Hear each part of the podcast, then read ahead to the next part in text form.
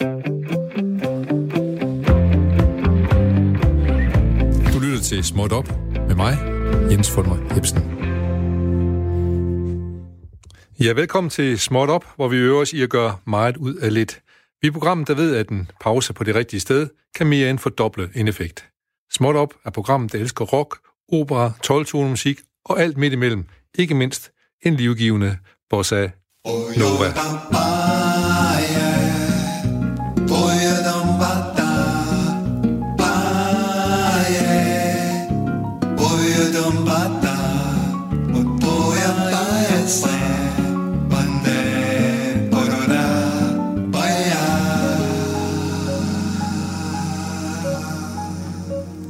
Ja, velkommen til denne utrolig dejlige og måske gudgivende time mellem 12 og 13. Den findes kun i dette ene eksemplar, så tag vare på den. Måske bliver denne time afgørende for, hvad der sker i dit liv resten af dagen, måske i morgen med, og resten af året for den sags skyld. Muligheden er til stede. Her i Småt Op bidrager vi gerne med skønhed, grimhed og livet, levet liv, og ikke mindst gæster, der har brugt mange timer på at sætte sig ind i det, vi skal tale om. I dag skal det handle om musik, det lille ord med mange betydninger, i dag kan vi høre, at det måske har langt flere betydninger, end vi troede muligt engang. Er det her for eksempel musik? Yeah. Okay, I'm ready. Well, let, but don't, don't record until I get have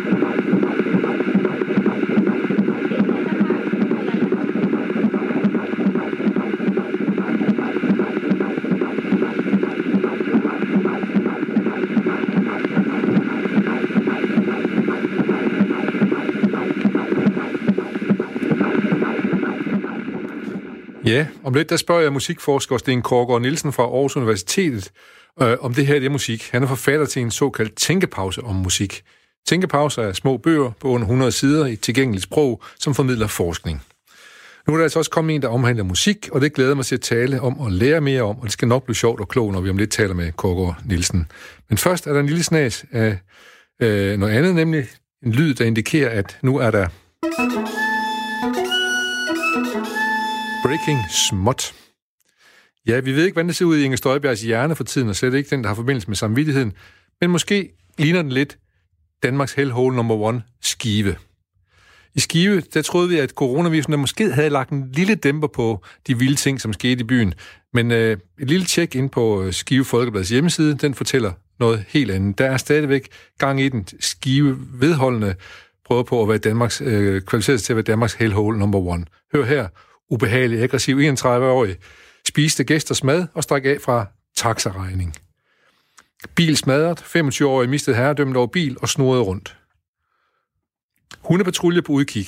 Motorcyklist stoppede ikke for politiet. Så satte politiet altså hunde ud for at se, om de kunne finde motorcyklen, som, som stak af. Vi er ikke færdige nu. Druk endelig i vold. 28-årig slået hovedet med baseballbat. Mand dømt for vold og trusler mod ung kvinde, men frikendt for røveri. Politiet på besøg fandt svær, springkniv og knojern. Og sådan går det festligt for sig i Skive, og øh, de, øh, de er også, som, som jeg tidligere sagt, at slå op på Skive Folkeblad, det er en side, der bliver ved med at give og give og give, og en side, der også bliver ved med at bekræfte, at der er gang i den i Skive. Nu øh, skal vi til at handle om noget helt andet. Nu skal det handle om øh, musik. Jeg siger velkommen til Sten Korgård Nielsen. Velkommen til, Sten. Tak skal du have. Ja. Du har skrevet en øh, bog, som har fået rigtig gode øh, og fine og fortjente anmeldelser her på det seneste. Tillykke med den bog, vil jeg sige. Ja. øh, jeg skal jo lige starte med at høre, at du er lektor på øh, musik i Aarhus. Øh, du møder om morgenen for nu at citere en god gammel Benny Holstein sang. Du laver noget, du får din løn. Hvad laver du egentlig, når du møder ind på arbejde? Ja, selvfølgelig lige nu øh, ja. møder jeg så ikke ind, fordi at øh, universitetet stadig er, er lukket. Øh, men øh, når jeg møder ind, så øh, enten sidder jeg og arbejder på mit øh, kontor og forsker, eller så underviser jeg. Det er sådan en lektorstilling, det er sådan 50-50. Al undervisning, al forskning. Og er det en god kombi for dig? Ja, det synes jeg. Øh, fordi undervisningen og omgang med, med de studerende og, og alle de her friske unge mennesker, det kan jo sagtens inspirere øh, forskningen. Ja. Omvendt så er forskning også det frirum, hvor man jo øh, opsøger øh, nye, spændende, bliver inspireret, ny viden, ja. øh, som man kan omsætte i, i undervisningen. Ja. Og så hvad, det er en god kombi. Og hvad, hvad forsker du i lige af PT? Øh, øh, lige pt. Nu, nu fylder den her øh, ting Ja. bare har, har fyldt rigtig meget. Ja. Øh, lige nu har jeg nogle øh, øh, forskellige ting på, øh, på, på hvad hedder det, øh, På tegnebrættet, ja, På- ja, ja. Øhm, jeg øh, er faktisk øh, blandt andet meget optaget af øh, tidlig øh, stereo. Stereoindspilninger. Og øh, hvor mærkeligt det egentlig kan lyde, så øh, blev jeg meget øh, fascineret af en fransk øh, chanteuse, som hed Edith Piaf, Ja. som øh, havde sidste del af sin karriere på det tidspunkt, hvor de her tidlige stereoindspilninger kom ud. Men sjovt nok blev hun aldrig udsendt i stereo i, øh, i Frankrig. Men det gjorde hun derimod i USA. Øh, en af de øh, rygtede øh, producer, som havde produceret de øh, amerikanske Beatles-plader, Ja, og fået ja. mange skæld ud for det. Han var faktisk meget langt frem på beatet og udsendt ind i stereo, og det der blev meget optaget af, var, om der egentlig er forskel, når vi lytter til plader i stereo og mono. Gør det nogle forskel i vores oplevelse af, hvordan en sanger inden for eksempel lyder i forhold til øh, instrumenterne, arrangementet omkring hende og, og så videre. Der er også en berømte live-optagelser med hende. Så hvordan iscenesætter man et koncertrum i stereo i modsætning til mono? Det lyder, det lyder lidt nørdet, det kan jeg godt høre her. Øh, ja, men, men øh, det, er jo, det er jo noget, som... Det er jo en religion for nogen, det der, om noget skal udgives på stereo eller mono, for eksempel. Vi kan bare simpelthen netop... Bil, du nævnte Beatles, ikke også? Der, Ja. Ja. der får man jo, kan man få alle deres plader stort set både i stereo og i monoversioner, så kan man skændes lidt over, om, øh, øh, om det ene eller andet er bedst. Så vidt jeg husker, så blev de, øh, blev de altid udgivet i mono, og så kom der en senere stereo-version, måske fordi de forlangte det i USA, kunne jeg forestille mig også. Ja, altså i hvert fald op til, til og med øh, Sgt. Pepper i 67, der øh, blev der brugt mest tid på øh, mono-mixning. Ja. Og stereo-mixning, det var sådan noget, man lige klarede i en håndvending. Ikke?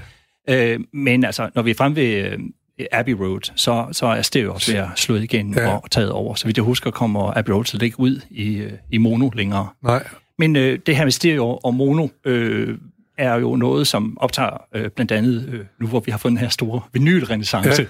alle de her vinyl-nørder. Ja. Ja. Og, og der er jo bare nødt til at bekende kulør og sige, uh, det er jeg også selv øh, blevet lidt ramt af. Ja. Så pludselig ryger man ind i sådan en.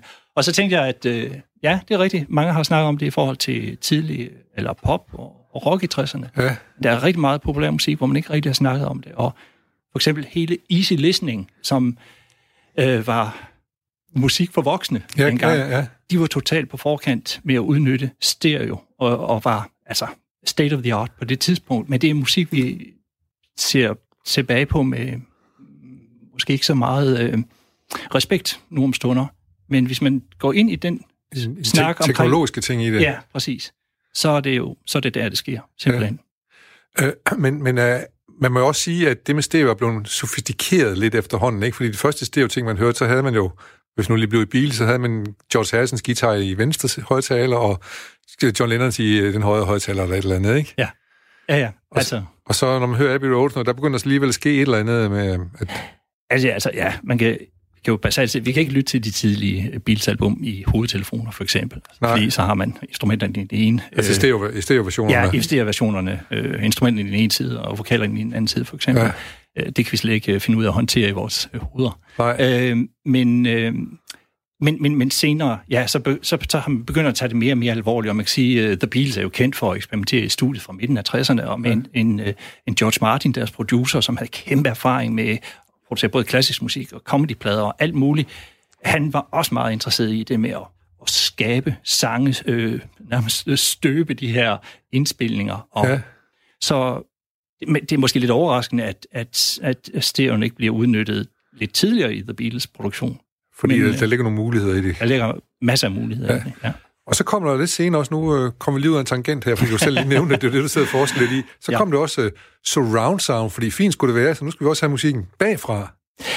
ja, altså allerede i, i første halvdel af 70'erne havde du det, man kaldte kvadrofoni, Ja. hvor man havde altså fire kanaler. Øh, og, og i dag kender vi jo alle sammen, øh, eller det ved jeg ikke, om vi gør, men altså vi ved jo godt, at de, der virkelig går op i deres hjemmebiograf, øh, de har subwoof og, og, og øh, højtalere placeret alle mulige steder, Ja. øh, og om ikke andet, så kan man opleve det i biografen. Øh, problemet med alt det her er jo selv med stereo, at hvis man skal have den maksimale lytteoplevelse ud af det, så skal man jo have indrettet sit, øh, sin, sin stue efter det. Sit rum efter det, ja. Ja, for så skal man jo sidde rigtig for de rigtig placerede højtalere osv. Jeg er sikker på, at der er mange hjem, hvor det har været et stort diskussionspunkt. Skulle man prioritere øh, sofaen frem for højtalerne, eller hvordan? Jeg tror i hvert fald nogle år, hvor det var klassisk øh, kønsproblemstilling nogle steder, om hvor, meget, øh, hvor store højtalerne skulle være, og hvor de skulle være hen i forhold til møblerne og sådan noget. Ja. Det, jeg tror, der er mange kælderlokaler, der er blevet rigtig godt indrettet til musiklytning. ja, ja. Nå, men der er lige to ting, vi lige skal afslutte med den her, øh, som sagt, tangent, vi lige øh, apropos komme ud af.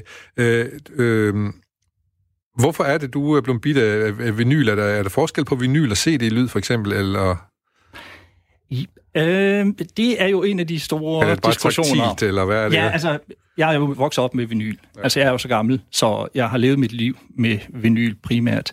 Men jeg, øh, dengang CD'en kom, var jeg også vildt fascineret af. Jeg kan huske, at jeg stod op øh, i en pladebutik her i Aarhus og lyttede til min første CD. Var fuldstændig chokeret over, at lyden af musik kom bare ud af fuldstændig stillhed. Ja. Så der var ingen rillestøj, der var intet. Øh, så det, jeg har aldrig haft problem med, med CD'en på den måde. Men ideen om, at vinyllyd er varmere, og i det hele taget hele den her idé om, at det analog er mere menneskeligt Ja, ja, og ja. så videre. Ja, ja, jeg tror nok selv, at der også er en del religion i det, for nu Ja, at sige ja. det. Ikke? Altså, øh, men jeg har det fint med, med, med begge dele. Ja. Det fascinerer mig, historier, fordi jeg også er historiker jo, fascinerer mig at gå tilbage i musikhistorien ja. og øh, grave nogle af de her gamle udgivelser frem, for man kan jo bare lytte til det hele ved at streame det, eller hvad man nu gør nu om stunder, men at finde de gamle vinylplader frem. Hvad skrev de på omslaget? Hvorfor havde det det cover? Ja. Og Altså hele pakken, kan man sige. hele pakken. Ja. Og, og hvor, hvad var det for et publikum, de her ting var henvendt til dengang? Ja. Øh, sådan nogle ting fascinerer mig stadig. Ja.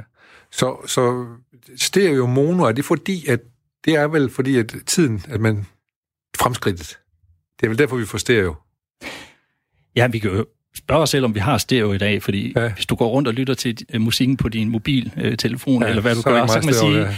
i virkeligheden kan man se hele den her, det her hi-fi-eventyr, som vi jo har haft siden, i hvert fald siden 50'erne, og hvor øh, lydnørderne går rigtig meget op Ja. i, i lyden af den rigtige gramofon, de rigtige højtalere, og øh, stereo og, og, og alt muligt. Det har måske altid været lidt en, øh, en niche. Altså, jeg tror langt de fleste egentlig ikke går op i det der. Altså, Ja, øh, nej. Og det, jeg, jeg, jeg tvivler faktisk på, hvis du sætter øh, folk ned og lytte, jeg tror, at de fleste, de vil simpelthen ikke altså, at de kunne høre Nej, forskel nej, på stereo og mono. nej. Skal du lige lukke den her samme, øh, den del af samtalen her med, med Edith Piaf igen, som blev udgivet på stereo i USA, men ikke hjemme i Frankrig. Ja, Øh, havde det nogen kunstrisk effekt, det udkom på stereo? Havde det nogen kommersiel effekt, eller hvad tænker du om det? øh, det, altså, hun- hun, øh, i USA, det der er interessant, det er, at hun blev solgt på en anden måde. Altså, i USA var hun jo en fremmed fugl, kan man Ja, sige. Hun var den her eksotiske, parisiske øh, chanteuse, og, det, og hele pakken omkring hende er anderledes. Samtidig var det teknologisk fuldstændig state of the art. Altså, det var de her stereoindspilninger. Og jeg synes, det, det kan blive meget langt snak om, om Piaf og hendes øh, orkesterleder, som også var hendes arrangør, som hedder Robert øh, Chauvigny, øh, som især i sin, den sene del af hendes karriere lavede nogle helt fantastiske arrangementer, som i den grad spiller sammen med hendes øh, stemme, og hvor der kommer, synes jeg, vil jeg argumentere for et særligt samspil mellem den måde, øh, de forskellige musikinstrumenter spiller på, og den måde, hun øh, synger på, altså, som, som ikke er der i mono øh, på samme måde, fordi Okay. der kommer det hele et sted fra. Så hvis man er en rigtig dygtig arrangør, så arrangerer man også til, at det bliver stereo. Eh, Helt sikkert. Ja. Så tænker man, altså, det, og det, det er jeg ret overbevist om, at, at Chauvigny også har tænkt i. Ja. Nu skal vi lige øh, vende tilbage til det stykke musik, eller hvad man nu skulle kalde det, vi startede med, øh, som var jo var hjertelyd. Ja, de fleste nok øh, kunne høre, det var hjertelyd. Det var øh, John Lennon og Yoko Onos ufødte barn, som hun desværre aborterede kort tid efter.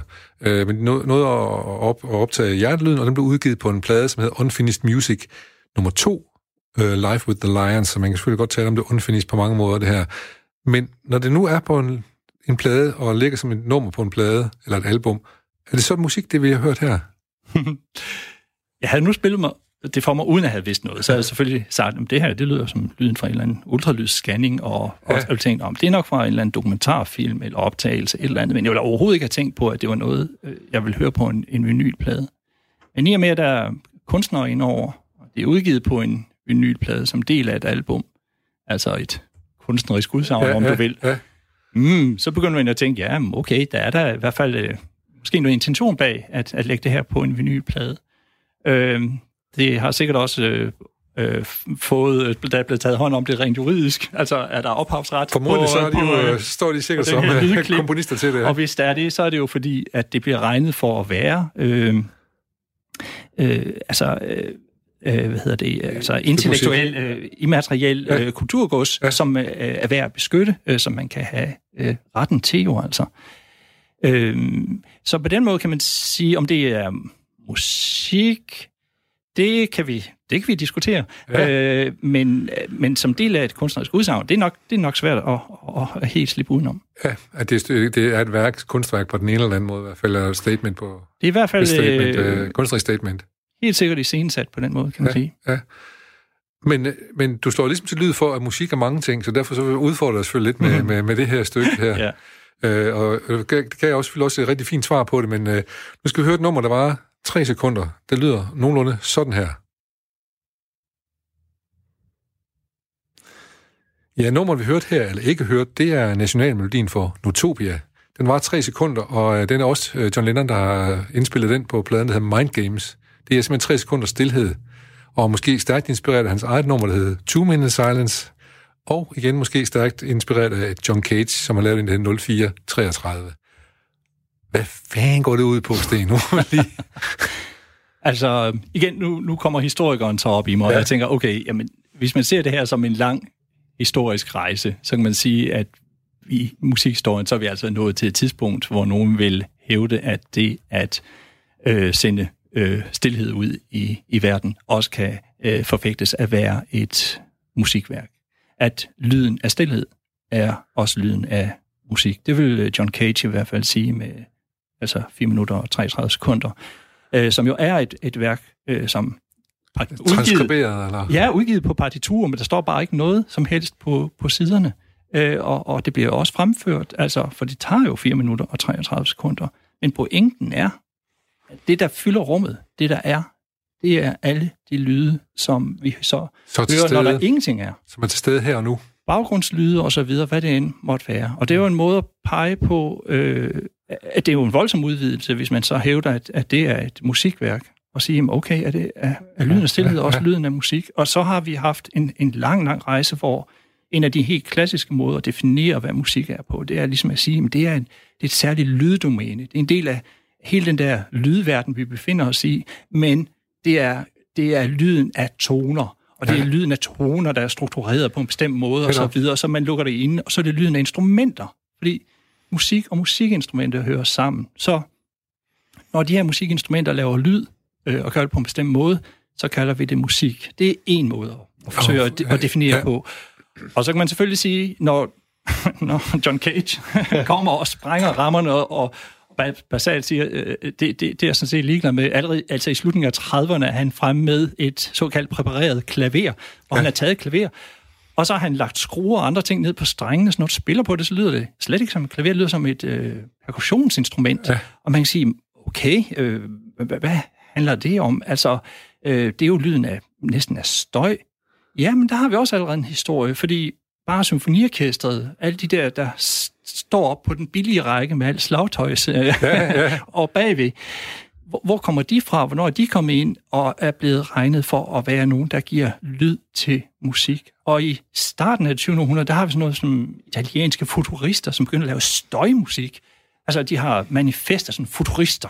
Ja. Fremtiden tilhører en helt anden form for Ja, musik. det er nu, maskinerne. øh, Ja. Det er maskinerne, og nu skal vi simpelthen... Øh, øh, de byggede øh, støjmaskiner og så videre, og, og, og spillede det, de kaldte musik, fremtidens musik. Og så kan man sige, jamen okay, så har øh, musikinstrumenterne jo for længst mistet eneretten på at give verden Ja. lyden af musik. Ja. For hvis det her også er lyden af musik, og hvis stillheden er lyden af musik, så basalt set kan man argumentere for, at alt kan være lyden af musik. Det er nok en... Øh, vi kan også tage den andre sted hen. Vi kan jo begynde at tale om, altså, vores forestilling om, at der også er lyde i dyreverden. Vi siger jo, at en fugl synger, for eksempel. Jeg skulle sige, fordi det, det var noget, jeg tænkte mig øh, at komme hen på, fordi at man kan sige, at den har jo ikke en kunstnerisk intention med at, at Nej. synge for os. Nej. Så er det så musik? Ja. Og, og det kan man spørge, er, er musik kunst? Er, skal der nødvendigvis være en intention bag, før vi hører Ja. det som... Hvad med barnets spontan sang? ja. Øh, er der en intention bag det, eller er det bare noget, der sker, når barnet løber rundt og, og leger? Øh, Men i, det er klart, så snart vi begynder at binde musik sammen med forskning om kunst og værker osv., så, videre, så får vi også hele det set op med, øh, med, med kunstnere, som, som har noget, de gerne vil meddele verden. Ja, ja, og intellektuelle rettigheder også, for den skyld. Ja. Så kommer Ja, hele jorden altså Ja, også på banen, ja. Øh, men lad os lige prøve, at, hvis nu øh, ser 0433 af John Cage som bare stillhed, der kan man i hvert fald sige, han laver, han laver måske en ramme, Mm. men ellers er det jo tilfældet, der råder. Det er det. Fordi hvis det er, er, er de lyde, som nu aktuelt måtte være, når man siger, at man opfører værket, Ja. så er det forskelligt fra gang til gang, og det er tilfældigt, hvad der er for nogle lyde, der kommer. Og det var også en af de ting, han var kendt for. Det var det her tilfældighedsmusik, aleatorisk musik, som man, man kalder det.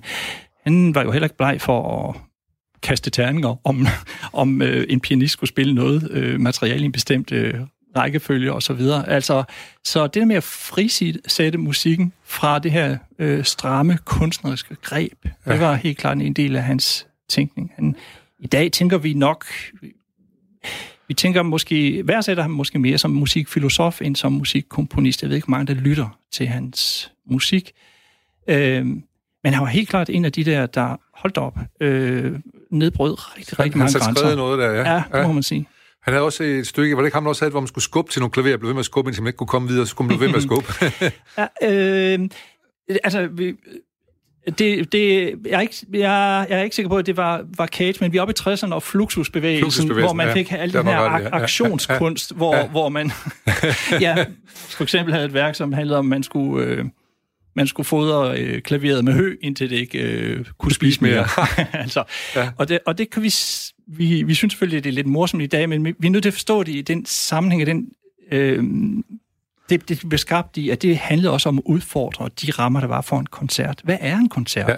Kommer man ind, og så sætter man sig pænt, og så er der altså nogen op på scenen, der sætter sig ned ved et instrument og laver nogle bestemte former Ja. ja. for lyde. Og hvad sker der med os, når man ikke overholder de regler? Og det, og det er jeg sådan set helt, øh, helt med på, at det er vigtigt, at der er nogen, der hele tiden udfordrer, hvor grænserne de går henne. Nu så jeg for eksempel, som der forberedte på det, der så jeg et, værk, et andet værk af John Cage øh, for trombone, tror jeg det var, øh, som også er noteret ned, og det, det er nærmest en dekonstruktion af, hvad, hvad, hvad, hvad instrumentet er, en trækbasun, det er for noget, hvad man, ham der opfører den, han står i pænt jakkesæt på scenen, og, og, og får alle mulige lyde ud af det her horn, og skiller det ad, og simpelthen kommer ny lyd ud af det. Men midt i det hele, så er der pludselig et barn, altså på måske 6-7 år, der begynder at grine helt vildt. Og ligesom tager det der prætentiøs ud af det, for der er også, der er også noget ved det der øh, eksperimental musik, som er næsten ulideligt prætentiøst, ikke? Det kan der sagtens være, helt sikkert. være, ja. Helt sikkert. Men, men det her, det var så fantastisk. Det der barn, det griner, det barn, det griner i 4-5 minutter, Ja. fordi det er også et klovne nummer. Ja. Og, og på den måde, så er det også med til at udfordre, hvad er egentlig øh, et stykke musik, eller hvad er et eller andet. Det er også det er en performance, som måske, så kommer man over den afdeling. Ja. Jamen, helt sikkert. ja. Jeg, jeg, jeg har stor respekt for de, der stiller op og, og, og opfører sig anderledes, end det forventes. Det kræver stor mod. Ja, ja. Og, og man kan sige, øh, de står ofte i situationer, hvor de er de eneste, der tager sig selv alvorligt. Altså, der, der er ikke andre, der tager dem alvorligt, så det, skal, det skal også respekt for. der skal være et holdepunkt et eller andet sted. Jamen, han var nu cool nok, ham. Han, han måtte lige tage en pause, hvor han også grine, så kom han tilbage igen og gennemført, gennemført ja. værket der. Så. Det er meget sjovt. Men ja. det minder mig lidt om, at, at når vi taler om det med at spille på instrumenter på en anden måde, altså det er jo også en del af hele den der udvikling, hvor, hvor, hvor går grænserne mellem, hvad der så er, er musik, og hvad der så er øh, bare, bare, siger vi, øh, er lyd. Altså kan vi stadigvæk øh, afgrænse det og sige, nu er vi altså inde i musikdomænet der. Og der må sige, allerede i 50'erne fik vi jo elektronisk musik. At man begynder at generere musik ved hjælp af Ja. tonegeneratorer, ja. altså det vi nogen vil kalde syntetisk lyd. Ja.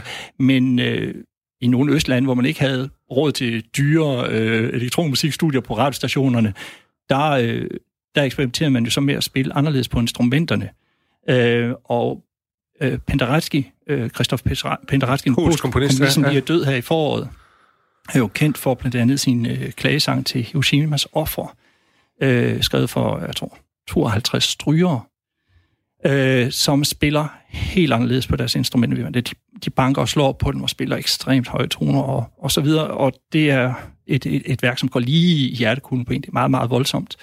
Øh, men det var jo en måde at prøve at lukke den musikværken op på med et klassisk symfoniorkester. Jeg er sikker på, at mange har hadet at sidde og mishandlet deres instrumenter på den måde. Nå, altså musikerne tænker Ja, du musikerne. Ja, ja, helt sikkert. Men tror du ikke, det har været... Øh, hver gang der kommer de her skred, så... Øh, altså, Stravinsky for eksempel, mm. øh, i 1913, eller hvor nu var han havde sin uh, Le Sacre de Printemps eller et eller andet, det var jo også for voldsomt, både for publikum, men måske også for musikerne, eller hvad? Som...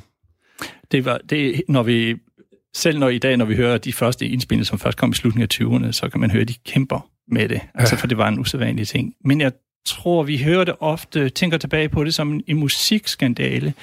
Jeg tror i virkeligheden, skandalen handlede mere om det, der foregik på scenen, fordi det var en meget, meget usædvanlig koreografi, okay. øh, som Nishinsky havde lavet.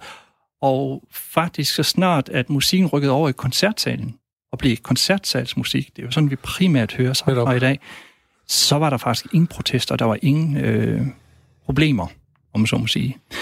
Mm, så det har nok været en, et samspil, men og, det var usædvanligt musik. Og, og måske også det rum, det foregik i, det var meget tidligt rum også, ikke det? Eller opera øh, i Paris, eller? Jo, øh, ja, i hvert fald et af, af, af, et af teaterne. Ja, ja, ja. Øh, og øh, jo, det, altså, det, har været et, et, et, et, en forestilling, som overraskede mange, ja. to mange på scenen. Ja, ja. Og men Paris var meget optaget af de her eksotiske ting, så at se sådan en, en russisk stamme der, der offrede en ung pige øh, for at få øh, en god øh, sæson, god høst og sådan noget. Ja, ja. Det, det var selvfølgelig voldsomt. Det var voldsomt, ja. ja. Men så må vi så ligesom pege på, at sådan er det med musik hele tiden. Altså også da Beatles kommer var lidt langhåret, for eksempel, så var det også et problem. Altså, der, eller Elvis, der vrikker med hofterne. Og mm, mm. Det er åbenbart sådan musik, øh, øh, det har det med at skubbe til, øh, øh hvad skal man sige, øh, sådan det, det, det formaliserede, det, som vi har besluttet for, er normale. Vi kan i hvert fald sige, øh, tænker, at, at musik er... Øh, vi, har, vi har jo musik på mange måder. Musik lyder på mange forskellige måder. Vi deler det jo ind i alle mulige genrer, og vi er mere ja. til noget end til noget andet ja. osv. Og når, når du lige nævner Elvis der, altså det der ligesom gik måske lidt galt for ham der i midten af 50'erne, var jo, at han tog noget øh, musik, som var inspireret af sort musikkultur, ja, ja. og øh, fik lejlighed til at øh, optræde med det i den bedste sendetid. Altså at sende det ud over øh, hvid mellemklasse ja, Amerika ja. den bedste sendetid, ja. og stod han altså der og sang sort musik, og også øh, tekster, som var fuldstændig altså, umiskendeligt seksuelle tekster, ja. ikke? Det er klart. Altså, det, jeg, i undervisningen har så samtidig taget en sammenligning mellem, mellem øh, Elvis Presley og så Marilyn Manson, ja. der, som jo har formået at trykke på rigtig ja, de røde knapper ja. med, med sin angreb på, på, på, på, på, på bibelkultur osv. Øhm, og jeg vil sige, øh, hvis man kan blive pikeret over en Marilyn Manson i dag, så vil man også kunne forstå, hvorfor at Elvis Presley på det tidspunkt var altså var helt uacceptabel for rigtig, rigtig meget. Men nu er jeg nødt til at spørge dig om noget her så, fordi den musik, Elvis Presley han leverede i 50'erne, hører vi jo stadigvæk i dag, at kan lyde som frisk og alt muligt andet. Jeg, jeg kan simpelthen ikke nynne det eneste nummer med Marilyn Manson. Det er mere som om, at han så er en... Han, det virker næsten mere som om, han er en erklæring, end han er musik. Nej, det er han selvfølgelig ikke helt, det ved jeg godt, men altså, men... Ja, ah, øh, ah. jeg mener, han er en han er en vældig, vældig reflekteret kunstner, og, ja. og nogen vil, man kan måske diskutere, hvor, hvor interessant han er som musiker, musiker ja. og, og vokalist. Øh, men jeg mener, han, han, han udfylder en meget interessant øh, en original, rolle. Øh, med, med, ja, ja, det er han. Og, ja. og jeg synes, han... Øh, det, der har jeg sådan lidt, ligesom med Elvis, respekt. Ja, okay. øhm, er der nogle af alle de her ting, som vi øh, synes var virkelig mærkelige? Nu nævnte du de italienske futurister, og vi snakker om øh, Stravinsky, og du nævner faktisk også selv på et tidspunkt, at Beethoven, da han sagde 9, tror 9. den blev opført, så pludselig kommer, lille, så kommer et sangstykke til sidst og sådan noget. Der er nogen, der bryder reglerne, og nogen bryder dem virkelig big time. Øh, og øh, det, hvad hedder han, øh, Cases klaver, øh, som han, øh, det præparerede klaver der. Er der noget af det, som har sat sig spor som en del af, af hvad skal man sige, normal populærkulturen i dag? Altså, jeg, jeg kender, jeg skal lige skynde mig at sige, Howie Gelb, som spiller det amerikanske band Giant Sand, han har det jo med at smide tingene i klaveret, der ligger rundt omkring, så det hele, sådan ikke, man ikke lige helt ved, hvad toner der kommer. Ja. Mm. Så han har sådan nok lært lidt. Men ellers er det noget af det, der sådan er... Som ligesom er blevet en del af det, vi jo kalde mainstream-kultur. Ja, det måske at, at man begynder at adoptere det, der er virkelig mærkeligt. Begynder at sige... Elvis øh, er jo, kan man sige. Ja, ja. altså nej, men jeg tror jo altid, der er jo altid vi lever jo i en, en kommersiel musikkultur, hvor man også godt ved, at noget af det, der sælger, det er det, der har lidt kant. Det er det, der er anderledes. Det, der lige stikker lidt ud, men det må jo ikke stikke for meget ud, øh, fordi så, øh, så løber folk skrigende væk. Øh, Jeg ved ikke, hvorfor jeg... Det, det, jeg lige står og tænker på, det er, at når vi taler om støj, så kan man sige, på et tidspunkt var den meget øh, inde, i, blandt andet i, i hip-hop, i rapmusik, at man havde rillestøj. Altså, selvom man jo lavede digitale, ja, ja, digitale. Så, så lyden af rillestøj, så støj var sådan et, et æstetisk valg, at nu skal man have simpelthen, fordi det gav måske følelsen af noget old school eller noget autenticitet på en eller anden måde. Ja. Øhm, men det er jo lidt i småtingsafdelingen, kan man Ja, sige. ja. Så, øh, så øh, de italienske øh, maskinstorm, eller ikke maskinstorm, det var det jo ikke, maskin øh, tiljublere, de har levet forgæves. Øhm, Eller, eller er så nogen som kraftværk, for eksempel? Nå ja, altså ja, altså Kraftværk er jo nok det, noget af det tætteste, du kommer på, på mainstream musik, som øh, i den grad har, har er lykkes med at tage nogle af de teknologiske øh, udviklinger og omsætte dem i en musik, som har en, en, en, en, vis, en vis udbredelse. Ja. Men Kraftværk, er de mainstream? Det er jeg lidt tvivl om, om man kan sige, de er. De er, de er sådan... Men, men de har til gengæld instrueret, en- formodentlig inspireret mange, som er det. Ja, øh, men altså der igen, altså i popmusik, altså øh, man kan jo finde masser af, af, af, singler, som er, er, er meget øh, er, er specielle. Altså ja. i gamle dage, der havde man det, man kaldte novelties, altså hvor man på en eller anden måde lavede noget, der var lidt sjovt. Ja. Øh, en, en gimmick på en eller anden måde, og det findes også stadigvæk i, i, i popmusikken. Øh, øh, altså, jeg, hvad- nu kan jeg selvfølgelig ikke lige komme i tanke om et rigtig godt eksempel, men... Ja, ja. Øh, øh, men det kan man, det kan man altså, det, Ja, ja, ja. ja. Det, det findes jo. Men Ja. ja. det er mere som en, en gimmick, som en måde at, at lige skabe det der lidt kant på, og have den fordel i, at der er noget, der Ja. ja. øh, stikker ud. Og så man lige kan markere sig selv som en, der også har lige har styr på et eller andet, der er ja, lidt ja. anderledes og sådan ja, noget der. Ja, helt klart.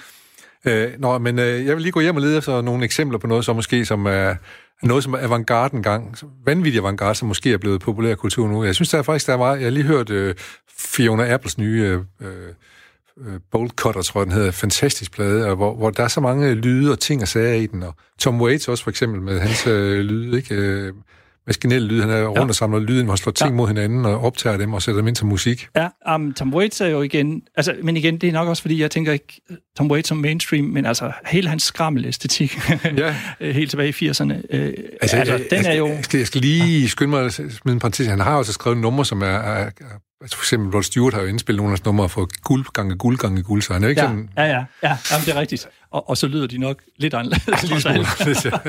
alt. men, øh, men, men det er rigtigt, altså, der, er der, er- altså pop, altså du kan jo finde masser af in- inspiration i, i dele af popkulturen fra øh, avantgarden, ligesom i filmmusikken, Ja. ja. at øh, det var nogle af de første steder, hvor man så hurtigt fik omsat noget af de her øh, vilde eksperimenter, Ja, ja, ja. ja. altså øh, hvis øh, Kubricks øh, Ondskabens Hotel, The Shining for eksempel, Ja. ja. hvor øh, blandt andet musik af Penderecki, som jeg nævnte før, en Ja, polsk ja. ja. komponist der, øh, bliver brugt, og det er jo skrækindiane, fantastiske øh, gyserfilms musik. Ja, det må man sige. Øhm, Næsten mere end filmen. Ja. altså, men, men lad mig lige... øh, Nu, nu øh, fik du lavet en fin bro over til det kommercielle. Hvordan er det med, med, med det kommercielle? Jeg tror, jeg synes, i din bog, der, der taler du om at citere nogen for at sige, at, at musik er ligesom vand. Har det noget at gøre med, at det er sådan, så, blevet så tilgængeligt, at det, vi holder op med at... Ja, altså, det Bowie var, var en af, af de første til at omtale, bruge den her metafor, at det er som vand. Og man kan sige, hvordan er det? Øh, altså i dag, jeg, jeg synes jo, at det, der er fantastisk, det er, at vi har alle sammen, takket være den teknologiske udvikling, øh, udvikling, har vi musik hos os hele tiden. Altså det er bare en del af vores hverdag. Ja. Øh, og øh, unge i dag, de tænker det måske ikke på den måde, men, men det de basalt set gør, det er, at de tilgår nogle kæmpe databaser med, med bare en masse af digital musik, som de så streamer eller downloader, hvad de nu gør med det. Øhm, så på den måde er det meget, meget, altså meget, meget nemt. Øh, det er ligesom at lukke op for, for hanen. ja. Og jeg tror ikke, der er ret mange, der ikke på en eller anden måde har musik på den måde i deres hverdag. Vente, når de sidder og læser lektier, har det kørende i baggrunden, øh, eller ude og motionere, øh, har det kørende i ørerne. Øh, så, øh, så, så musik som vand, ja, jeg, jeg synes egentlig, det er en meget interessant øh, metafor. Jeg skriver også et sted i, i bogen, jeg tror, vi er måske i dag mere musikmennesker, end vi nogensinde har, har været. Altså er forbrugere, eller... Ja, forbrugere, fordi det er sjovt, når vi lever i sådan en, en kommersiel kultur, som vi jo gør, altså så tænker vi meget, vi forbinder meget, musik er jo også noget, man kan leve af, det er noget, man kan tjene penge på. Jo. Og så tænker vi, at musik, det, det tilhører ligesom de der i musikbranchen, men i virkeligheden tilhører musik jo også alle sammen, og alle bruger musik, fordi man behøver ikke selv at kunne frembringe den, for at kunne leve et musikliv i dag. Øh, så på den måde øh, kan vi takke, øh, synes jeg, den teknologiske udvikling for, at vi har øh, så mange muligheder med musikken der. Jeg kan bruge den på alle mulige ledere og kanter. Samtidig med, at vi jo selvfølgelig øh, har den her professionelle, det Ja. professionelle musikliv, Ja. som er vigtigt. Men, men du var lige ved også komme til at tale lidt om, og det også havde en bagside med den her teknologiske udvikling, at vores forhold til musik øh, blev noget overfladisk på en eller anden måde. Måske. Altså, det er i hvert fald, øh, det er jo en af de der øh, forestillinger, som har været meget fremherskende, at øh, man taler samtidig om, at der er nogen, der ligesom har et aktivt musikbrug, og nogen, der er passiv, når de lytter til musik. Jeg tror sådan set, at uanset man vælger at sætte det på til sin lektielæsning, eller man sætter sig ned med sin vinyl skive gengivelsen Ja. af på en rigtig, rigtig tung vinyl øh, gengivelse af en Ja, af Dylan 180 album. gram et eller andet, eller hvad det Mindst. hedder. Ja, mindst. at, at, øh, og, og, og den der idé om, at, at man sætter sig ned og ah, hele den der musikoplevelse, som er øh, et helt ritual i sig selv, og fordyber sig rigtig meget i det, uanset hvad, så er det et aktivt valg. Det er noget, man gør, fordi det gør en positiv forskel for en, tror jeg. Øh, så jeg, jeg er måske ikke øh, så bekymret for, at, at musik er alle steder. Øh, der, der er nogen, der synes, at det der med, jamen, glemmer vi at fordybe os? Kan vi overhovedet fordybe os, når musik stort set øh, er om os, øh, omkring os hele tiden? Men jeg tror, vi er... Øh, mange er meget... Altså, vi, vi bruger musik på forskellige måder, og en gang imellem, så skal vi bare have det til opvasken. Og andre gange, så er vi i biografen har en, en, en fed oplevelse af noget filmmusik, som virkelig gør noget for vores filmoplevelse. Og andre gange, så, ja, så er det måske Bob Dylan, vi tilbringer en aften med. Altså, vi kan snakke om det måske ligesom mad. Nogle gange så spiser man i forbifarten, og nogle gange Ja. så øh, sætter man sig ned, eller så får man tilberedt et ordentligt måltid med ordentligt glas vin til, den slags ting. Jeg, jeg tror i hvert fald, at, at vi skal huske at se nuanceret på det, øh, og ikke dele øh, Nej. øh, musikbrugerne op. Nej. i øh, enten eller. Øh, I dag, hvor øh, også med, med selvfølgelig de digitale, øh, alle de digitale platforme, hele internettet og så videre, Ja. hvor man ser til gengivelser, øh, alle kommentarsporene under alle YouTube-clips med musik ja. og så videre.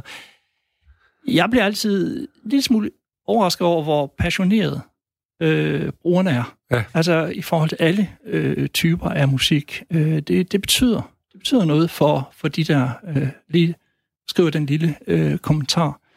Øhm, så, så på den måde er jeg nok ikke så bekymret for, at, at vi... Øh, Vi, at vi mister dybden i musikken Ja. også? Nej. ja, Så, i, eller dybden i vores omgang, Om- omgang med med, musikken. musik, ja. ja. Ja, okay, fordi jeg, jeg tænkte lidt på, når, når man talte det med musik som vand, så var, det, var der måske også en tale om en eller anden form for kommercialisering, som gjorde, at der var musik overalt, og, man, og det koster også penge at bruge den der musik på en eller anden måde, men den har ingen betydning for det. Altså, jeg tænker jo tit, Men omvendt. Ja. Ja. Altså, altså, vand er jo livgivende. Det vand er vi, vi, vi kan jo livgivende. ikke Det er leve, jo- leve uden vand. Øh, så, så, øh, Point taken.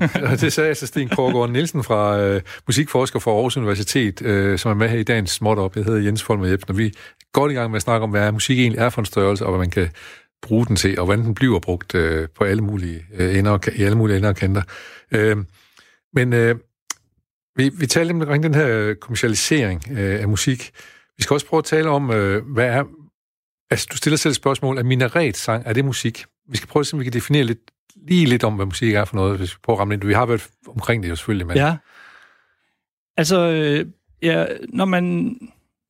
Nu er jeg jo også underviser, og, og en af de øvelser, jeg godt kan lide at lave med de studerende, de nye studerende især, det er jo at netop spørge ind til, hvad er deres opfattelse af, hvad der er musik og ikke musik? Hvor går grænserne for, hvad vi opfatter som musik? Er vi Ja. parat til at inkludere John Ja. Cage? Er vi Ja. parat til at inkludere minaretsang? Og det tror jeg, de fleste af os umiddelbart hører Ja. som sang, men Ja. når muslimerne ikke gør det, øhm, øh, så, så kan vi have en diskussion om, hvor går grænserne?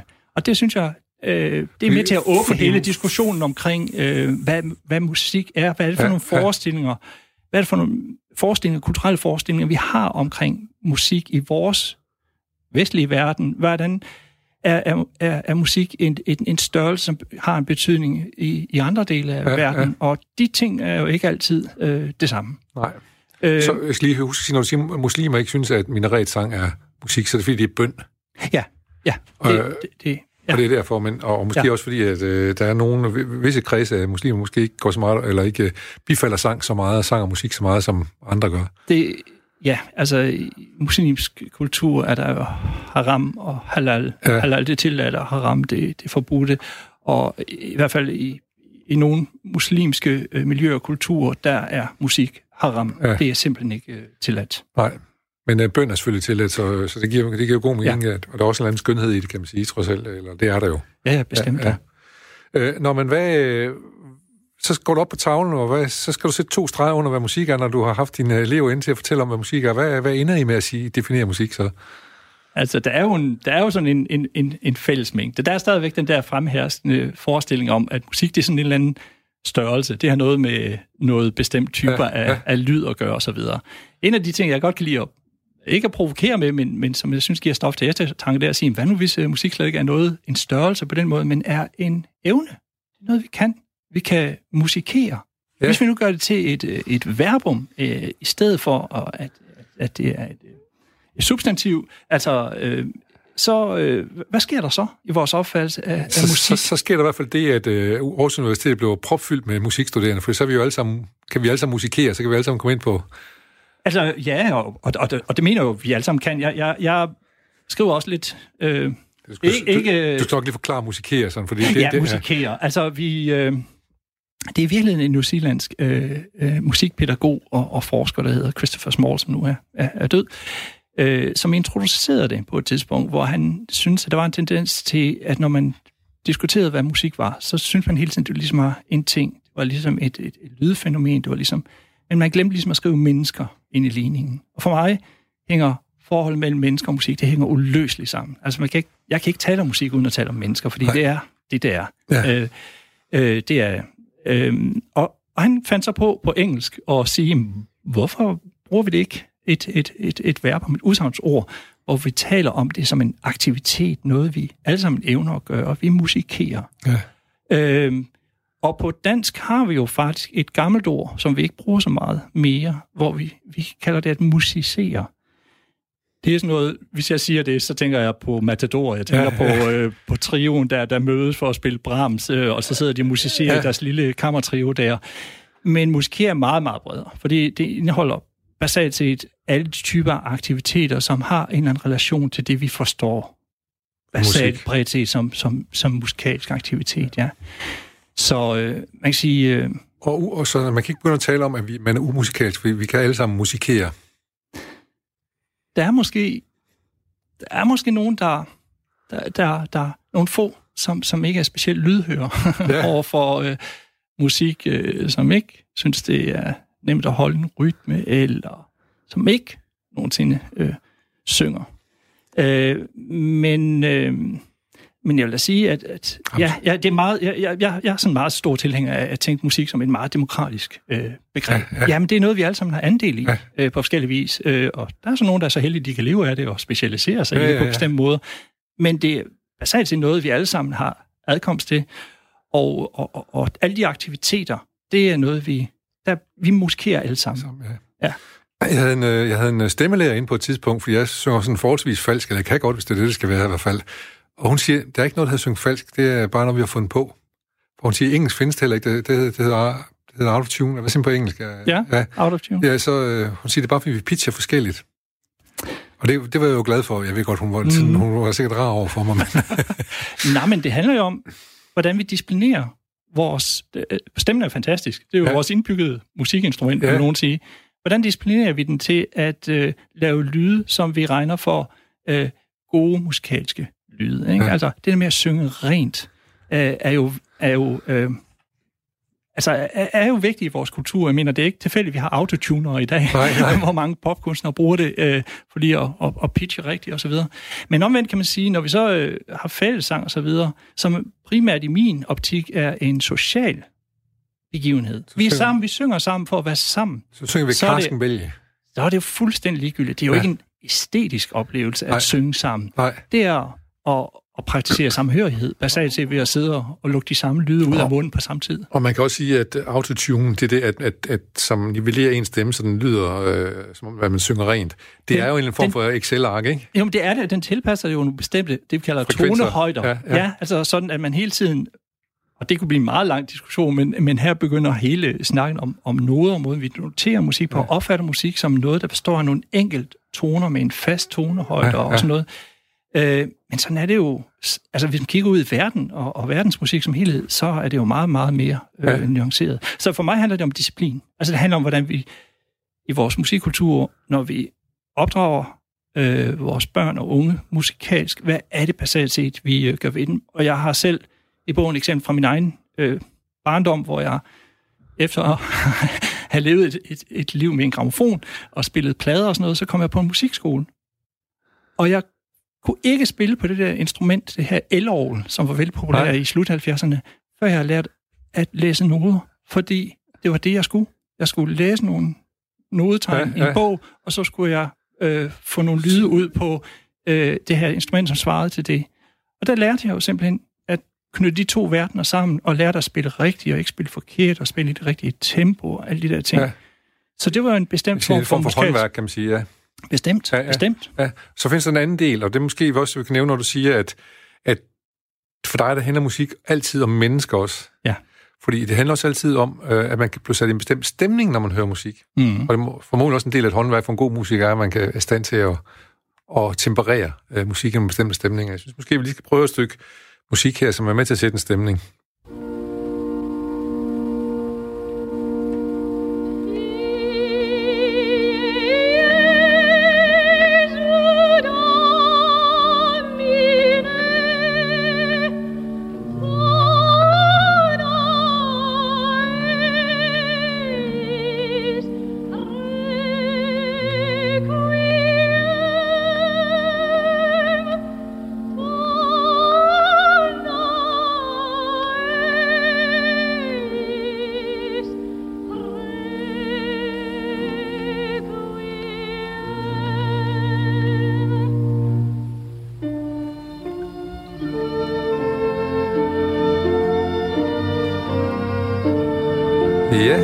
Besøg her i studiet, ikke af Forrest, men det var Forrest Musik, vi hørte. Vi har besøg af Sten uh, Kårgaard Nielsen. Uh, hvad tænker du sådan et stykke musik her? For det er jo vanvittigt smukt.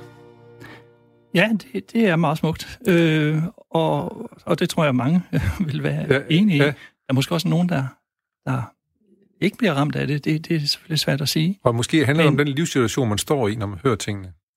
Det, det tror jeg blandt andet, øh, det selvfølgelig gør. Man kan spørge, hvorfor, hvorfor vælger vi at invitere noget musik ind i vores liv, og ikke øh, noget andet? Hvad bruger vi det til? Og her har vi jo noget meget stemningsfyldt musik. Nogle vil forbinde det, det, det er jo fra et, et requiem, så de vil forbinde det med kirkemusik, de vil forbinde med høj, altså noget højstemt og, og så videre, men måske også noget lidt sørgmodigt. Ja, jeg tænker jo død og sådan noget her i gang tit. Ja, altså, det, det er det jo med, med requiem, med dødsmessen der. Øh, men, øh, men her, Ja, og jeg tænker, hvor, hvorfor inviterer man sådan et stykke musik ind i, i sit liv? Men det gør man måske, fordi at man, øh, det, det sætter ind i en særlig øh, stemning. Og sådan tror jeg, at vi har det med at bruge musik. Der er en, en britisk musikforsker, Tia Nora, som har studeret øh, netop det her, det her hverdagsliv med musikken, om så, som siger, at vi bruger det næsten som sådan en, hun kalder det en, en selvets teknologi, altså hvor vi, vi, vi stemmer sindet.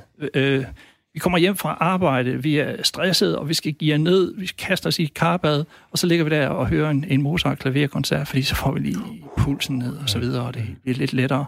Eller vi skal i byen der lørdag aften og, og, og står der og skal give op og, og ud og trykker måske lige en lille ting eller to, samtidig med at vi hører noget musik, der lige pumper os i gang. Ja, ja.